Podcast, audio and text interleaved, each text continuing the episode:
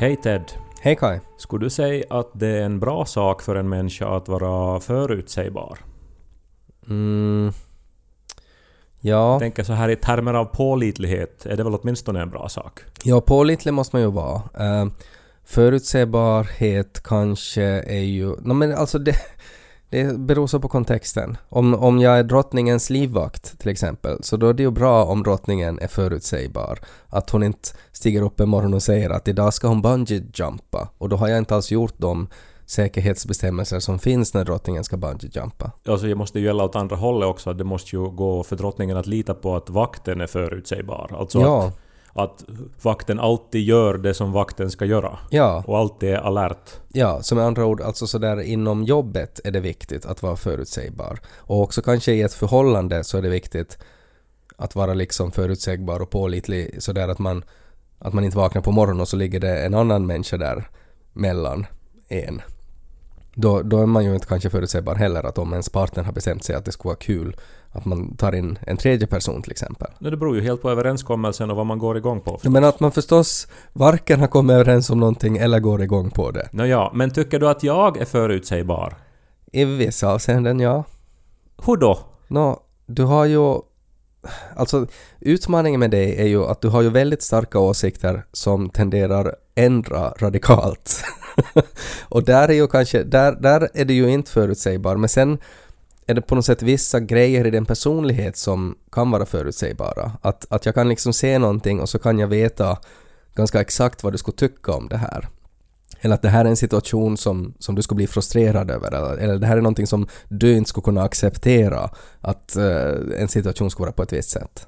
Men det behöver ju inte ha att göra med att du är förutsägbar. Det kan ju också ha att göra med att jag helt enkelt känner dig ganska bra. Så att därför är, är jag mer förutseende för ditt beteende. Ja, no, egentligen så var väl det här nu bara en disclaimer för att jag är osäker på det här jag skulle vilja prata om. Att om jag kan göra det utan att framstå som en parodi på mig själv. Ja, det kan jag inte garantera Kai. Ja, nej men jag har alltså läst en essä om döden som är skriven av Karl Ove Knausgård. Mm. Och jag är väldigt berörd av den. Alltså Knausgård har skrivit en essä om döden. Ja, den fanns i Dagens Nyheter förra helgen. Ja. Och det är på något vis, jag, jag tycker att han lägger fingret på vad det är. Eh, alltså på vad existensen riktigt är. Det här att vi finns till här. Mm. Och han skriver så vackert och så enkelt. Så här skriver han. Så länge det har funnits liv har det funnits död. På jorden har det funnits liv i snart fyra miljarder år. Det betyder att miljarder efter miljarder efter miljarder av varelser har dött. Och när vi vet hur litet jordklotet är, hur begränsat det är med utrymme här, förstår vi att jorden är en enda stor gravplats. Vart vi än går, går vi över döda varelser. Detta är våra villkor. Vi bor på en gigantisk gravhög och vi ska snart dö själva.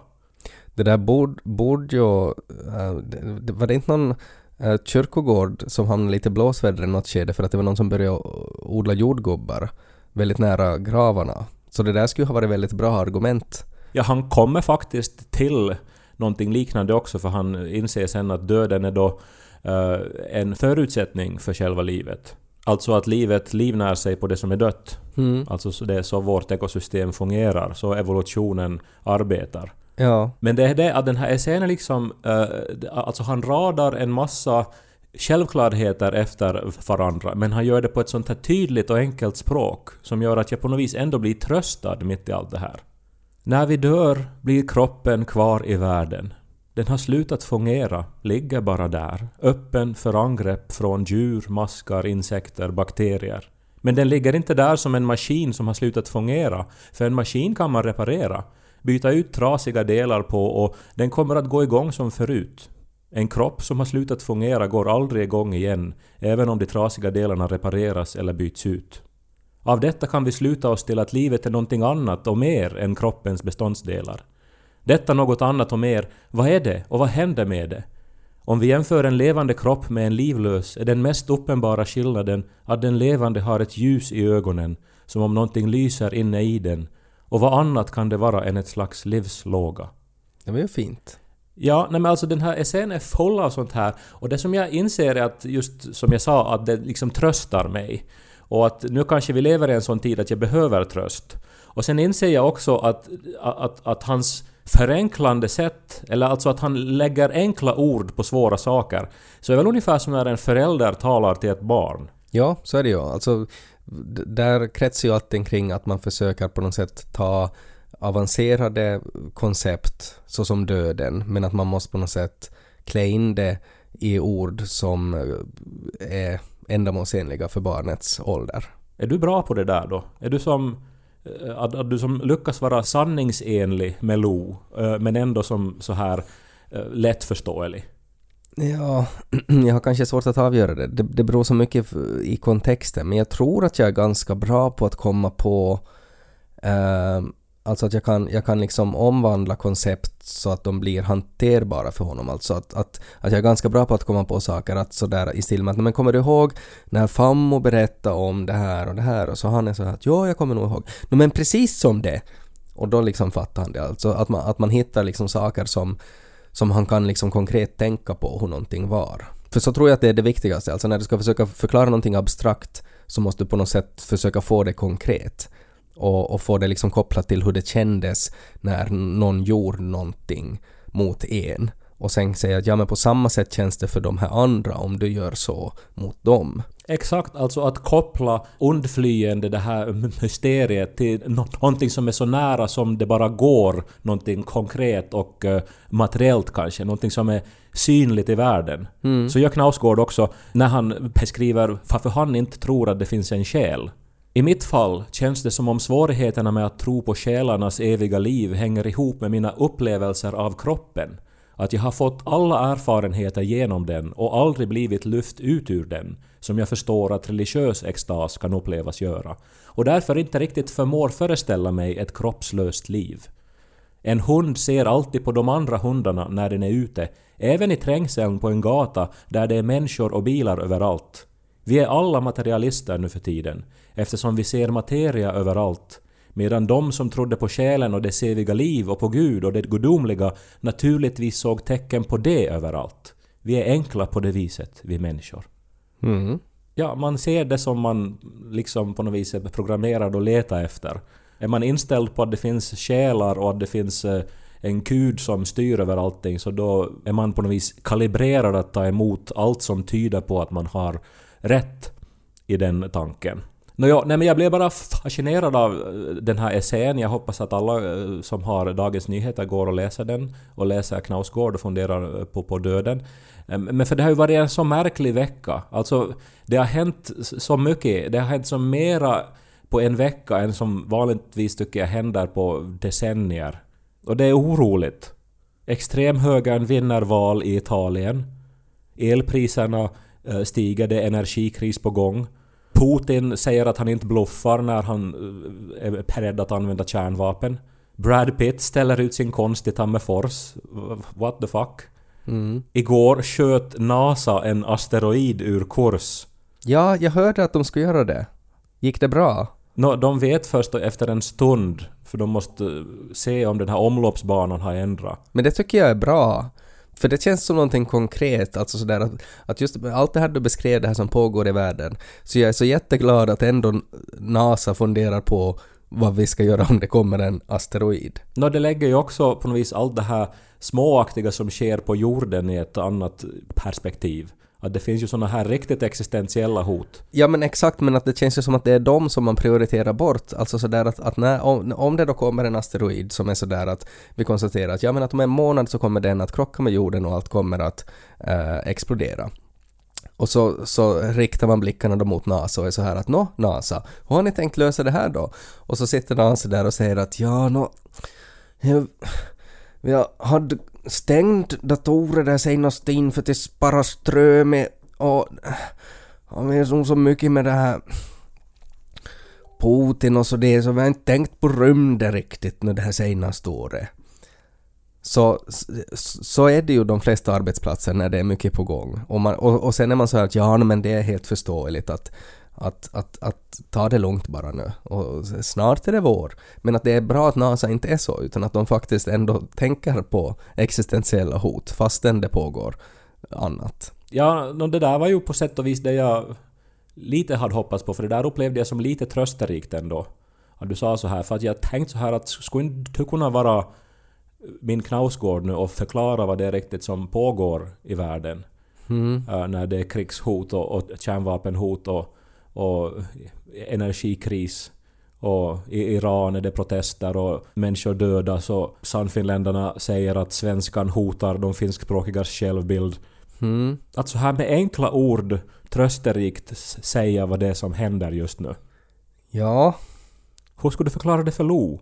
Pappa, jag hörde på nyheterna att en man vill spränga hela jorden med bomber. nej. Inte vill han spränga hela jorden med bomber. Uh, han är bara arg och han har kanske han har kanske vuxit upp med, med, med föräldrar som, som eh, inte var så bra med honom och så har han kanske aldrig riktigt lärt sig att hur han ska hantera det när han blir arg. Mm. Men pappa, så hörde jag att i Italien så är det nu mest fascistiskt sen Mussolini. No, det, det är faktiskt ovanligt när man tänker på att ett land som har en sån fascistisk historia ska, ska, ska rösta på det där sättet. Så det håller jag med om att, att det är lite konstigt. Men hördu, hur skulle det vara om vi skulle fundera på Chewbacca och Han Solo? Och vad det gjorde i Millennium Falcon? Alltså det där är ju kanske mitt bästa tips, alltså avledning, alltså att man börjar fundera på annat och det, det är ju kanske det här mest konkreta tipset du kan göra. Alltså att det här är ju väldigt jobbiga grejer som händer just nu, Uh, men vi är ju väldigt, väldigt begränsade i vad vi kan göra uh, för att styra uh, så här språkpolitik eller vem som röstar på vem i Italien. Att, att där, där kan vi inte göra så mycket. Och då måste man ju på något sätt bara hoppas på det bästa. Men medan man hoppas på det bästa så ska man ju inte liksom ångesta ner sig eh, och, och bara ligga och skaka under täcket utan då, då måste man på något sätt hänge sig åt någonting annat. Sticka Strömsötröjan eller någonting, alltså skaffa en ny hobby. Jag hörde att Prisma inte hade frågat av Li Esselström om de fick använda hennes mönster.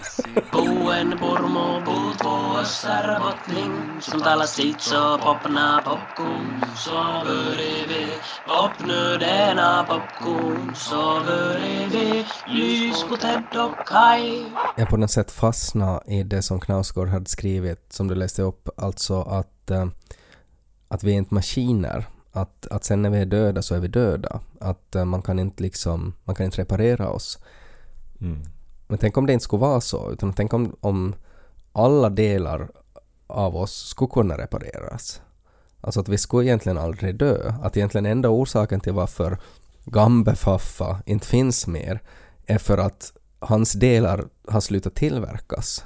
Alltså att, att, att det går inte att få tag på en reservdel till Gambefaffa för att det var liksom de, de gjorde det med liksom gummi och ånga och det görs inte mer. Så att därför, därför så dog han till sist. Alltså, alltså, för att fabriken gick i konkurs och det var ett sånt här märke som var jättesvårt att få tag på.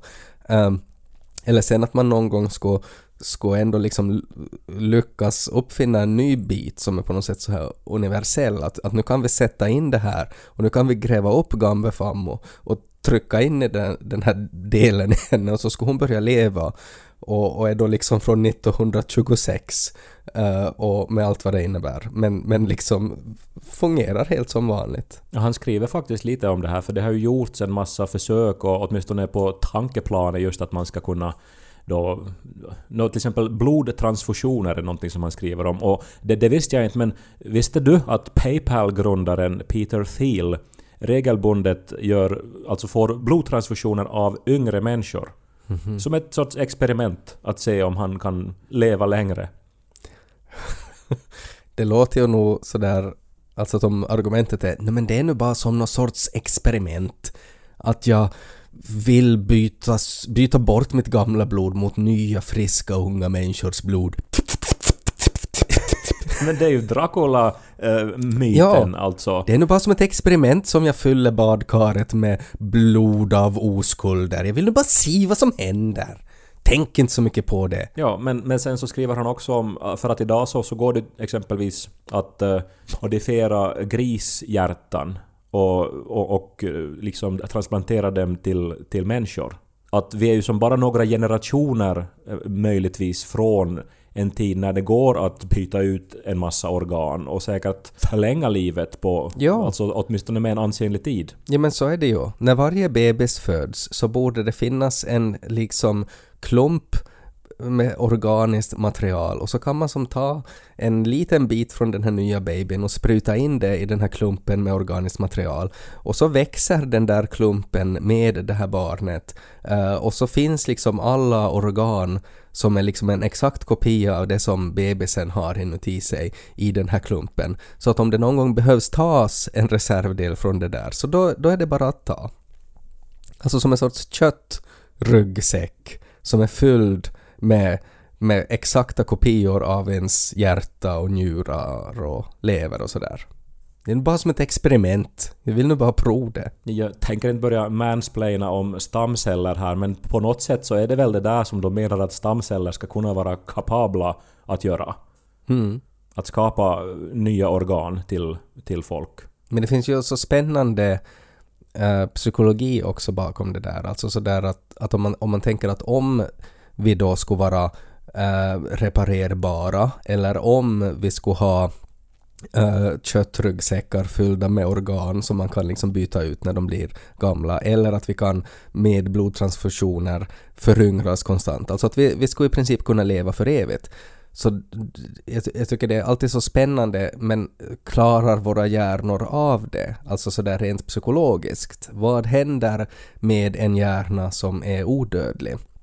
Och det har ju skrivits jättemycket, eh, alltså skönlitteratur om det, alltså om olika eh, immortals eh, och hur man blir påverkad av det genom att, att inte dö. Och det här är ju just som, vi var ju redan lite inne på vampyrer och det finns ju ganska Ja. mycket kul grejer skrivet om sånt. Naturligtvis skriver ju Knausgård just om det här också för att han tar ju avstamp i litteraturen och, och skriver om en klassisk eh, science fiction-utopi som ändå slutar i en dystopi för att då eh, den här människan då eh, som har ägnat då århundraden av sitt evighetsliv åt att skriva poesi med allt bättre resultat, åt att måla även det småningom till perfektion.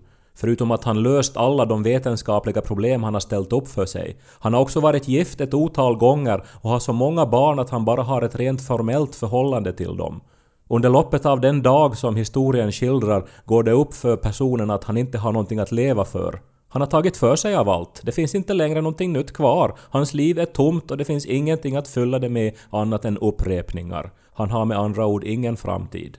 Och det här är också då ett led i hans förklaring till varför döden ändå är det bättre alternativet. Ja, för att det är värre att komma till den insikten att man har på något sätt slösat en evighet och man har ingen framtid. Så då skulle det vara bättre att man skulle ha bara dött som vanliga människor. Ja, eller alltså att det enda som eh, ett evigt liv kan leda till är meningslöshet. För om allting går att göra oändligt antal gånger eh, så då är det ju ingen vits längre. Då tappar de sin betydelse, Mm. de här upplevelserna. Men det är sant. Om jag vet att jag ska vara gift med 2000 män till så är det ju som inte att eh, Niko är så speciell säkert. Du, Allt det som är viktigt för människan mister sin innebörd om man måste leva för evigt. Det är som när man spelar vissa spel. Um, vissa spel har ju, det, det brukar kallas allt från hardcore mode eller så här Iron Man mode, alltså att du bara har ett liv. Och om du dör så då dör du och då förlorar du liksom alla timmar du har satt i det. Du måste börja om från början. Det finns inte något continue. Och när man spelar sådana spel uh, med det upplägget så då, då är ju allt är ju betydligt starkare. Varje liten grej du är med om så kan vara avgörande för att, att om du dör eller inte och då spelar du på ett helt annat sätt. Och det är ju intressant, eller jag har alltid reflekterat över när jag spelar sådana spel att, att hur man inte förhåller sig egentligen till samma sätt, alltså i livet. För att i livet så spelar vi ju verkligen i hardcore mode. Uh, vi kan inte repareras alltid, men att ändå så beter man inte sig så. Man är inte lika försiktig som man kanske alltid är i de där spelen som är så. Ja, man har road rage och man gör dumma omkörningar och man är full och går ute på gatan. Man knullar utan kondom. Men för alternativet är ju att man inte ska göra något. För att allt kan vara förödande. Och det är ju inte heller ett alternativ. Du kan ju inte Ja, liksom... det är ju då den andra dystopin, att man då har det här begränsade livet men inte vågar leva det. Alltså det borde ju göras ett spel kring det här, alltså som ska se ut ungefär som Super Mario. och sen när man startar det så ser man att du har tre liv, nu är det bara att gå iväg, rädda prinsessan! Men sen så vill man inte göra det för att man bara blir där och stirrar på den där första skärmen att alla mina val kan vara förödande. Och även om jag har bara tre liv så har jag bara tre liv. Och även om jag räddar prinsessan, så vad händer sen efter det då? Det finns ju 2000 prinsessor till. Ja, det, det är som om min mamma skulle vara i en sån här Super Mario-bana. Hon skulle ju som är du vägra hoppa över det första stupet. Hmm. Och bara som bli kvar där. Jag tänkte jag, men det är nog bättre att bara vara här. Ja, Här finns en sån här buske. Och så är det ju ganska bra musik. ja.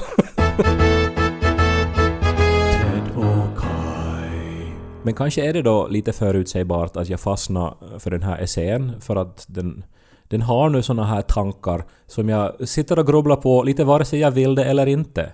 Och eh, det är väl också, tror jag, därför som jag omger mig med, eh, med människor som är mindre benägna till den här typen av Nej men att gå till alltings slut och alltings början. Till exempel med dig. Du är ju en glad gamäng. Ja, Eh, en robot skulle vissa säga.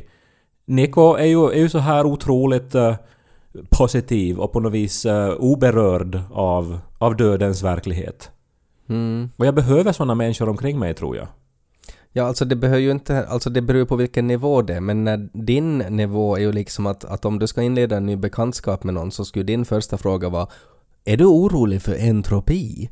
Och om svaret är liksom ja, så då, då skulle du liksom gå vidare till nästa person. Man kan ju inte vara orolig för entropi. Det är ju liksom en grundläggande egenskap i allt som finns. Ja men det är ju det som är, du har ju ångest, du har ju entropiångest du. Men Knausgård skriver om, om, om, dig och Nico också. Eh, eh, han skriver så här. Djuren, fiskarna, insekterna, också de som bara har några dagars livstid, plågas inte på samma sätt. Tvärtom. De lever i harmoni med sina liv, ser ut att njuta av det som kan njutas. Till och med flugorna ser ut att ha det bra när de darrande av upphetsning kliver omkring i sockerskålen. Och naturligtvis är det så för att de är mer begåvade än vi. Deras gåva är att de inte känner till döden. De ser den när andra slår mot den, men sätter det inte i samman med sitt eget liv, eftersom det inte pågår i tiden, utan i rummet. Åh, lyckligt är djuret. Ja, men det förutsägbara här är ju att du likställer dig själv med Knausgård och mig och Nico med flugor. Nej men att, jag menar inte att ni är flugor, men jag menar att han, han skriver ju, han skriver ju här också en sorts inställning, en, en sorts e- egenskap, att, det, att, att man måste vara lycklig med det man har nu för att kunna vara eh, lycklig överhuvudtaget. Ja, men hur mycket där är också på något sätt då den här bilden av den här plågade författaren? Alltså tror du att Knausgård, för jag fantiserar ju att till och med Knausgård har eh, situationer liksom, inte vet jag, på julafton och han får en helt satans bra present. Och han är bara så här Yes! Yes! Det här har jag så väntat på att få! Men sen hakar ah shit men jag har ju Knausgård ja. Uh, så att, och så måste man bara säga mega tack eller vad han nu säger och så, och så lägger han det åt sidan och säger jag må gå och fundera på entropi och flugorna. alltså sådär att, att det ändå... Men egentligen vill han bara bygga lego Ja, ja, att han skulle i present. Exakt, han skulle vilja göra det, men att eftersom han, han måste upprätthålla på något sätt den här, den här bilden av sig själv, så då kan han inte glädjas över det. Och så får han is- istället att skriva en essä till DN, när han också skulle vara precis lika mottaglig för den här dumma enkelheten som jag och Nico och djuren har. Men att han på något sätt säger att nej men jag, jag, jag tillåter mig inte att ha det. Jag menar ju inte att ni var dum, jag menar att ni klarar av det här som de här... Nå, här var det ju djuren som klarar av det. Och växterna. Han skriver också om träden som, som vet mer än vi. För de, är, de bara står där och, och väntar. Alltså, det, Gillar läget. det känns ju som att han har liksom fått in väldigt mycket i den här essän. alltså att, att djur, träd... Och antagligen mer i den här essän än i de där 18 volymerna av någon science fiction serie som du plöjer ner tid i. Det är därför det är liksom vettigt att läsa det som är genomtänkt och inte det som bara är liksom Nu var det igen förutsägbar. skapa till lite någon sorts mallar och, och förväntningar. Men Knausgård följer ju också en mall. Han är ju full Knausgård när han skriver den där. Att han är full, alltså berusad. Nej, att han är Han är- 100%. Ja, han är all in i Knausgård. när man skriver om döden i DN. Och det är farligt att vara full Knausgård. Man kan ju vara det nog liksom ibland. Men, eh, men om man är full Knausgård så då blir man inte glad heller när man får lego på julafton. Och om du inte blir glad när du får lego på julafton så då måste du se över ditt liv. Eller så börjar du göra ljusstakar som Brad Pitt och ställer ut dem i Tammerfors. Alltså jag har ännu inte sett vad det han har gjort men jag förstår att det är liksom väldigt, alltså sådär att kritikerna har liksom sagt att det är många skådisar som gör såna där stunts uh, och, och, och, att de totalt saknar talang. Men det här gäller inte Brad Pitts fall. Jag hörde att det var något, att han har liksom slängt käppar i något hörn och, och att det såg ut som en dåligt byggd lada. Och det var liksom en av hans utställningsföremål. Men jag har inte sett någon bild. Ja, det har skrivits jättemycket om den här utställningen och, och eh, jag har inte heller sett den men det verkar ju nog som att han ändå har tagit det på allvar. Att det är inte som bara att okej okay, nu är jag liksom rik filmstjärna som inte har någonting att göra, jag ska slänga ihop någon konst för det kan väl vem som helst. Att han har ändå som utgått från någon sorts separation och depression och, och liksom arbetat med sig själv när han har gjort de här konstverken. Sen gör han det på ett väldigt Brad Pittskt sätt också. Ett av verken är tydligen att han har skjutit med en pistol i någon sorts silikon och sen har han gjort konst av de här mönstren som kulan har skapat. Men kanske är det det där som Knausgård borde göra mera av då? Alltså skjuta i silikon och på något sätt testa annat än att, att liksom grotta ner sig i, i, i, i döden. Kanske vi alla borde vara mer som Brad Pitt. Men du sa att du fick tröst av att läsa Knausgårds essä. Och du sa att du, var, att du, du känner dig i större behov av tröst just nu. För att det på något ja. sätt händer så mycket i världen. Ja, och så ville jag att du skulle förklara vad som händer i världen på ett liknande sätt så att man skulle bli lugn. Och inte vet jag om du nu gjorde det exakt, men jag fick nog åtminstone skratta åt tanken på Knausgård som får lego i julklapp och måste tygla sin barnsliga iver för att han är Knausgård. Och så fick jag prata av mig lite grann och det känns faktiskt mycket bättre. Och inte vet jag om man behöver så mycket mer. Så orkar man till nästa vecka, en vecka närmare döden. Vilket ju är en bra sak. För man får ju fel i huvudet om man inte skulle dö. Var det inte det vi konstaterade? Pappa, varför säger sannfinländarna att svenskan hotar deras självbild? Vet du vad min son? Ska du gå och fråga mamma? Hon är där i köket. Ska du gå dit?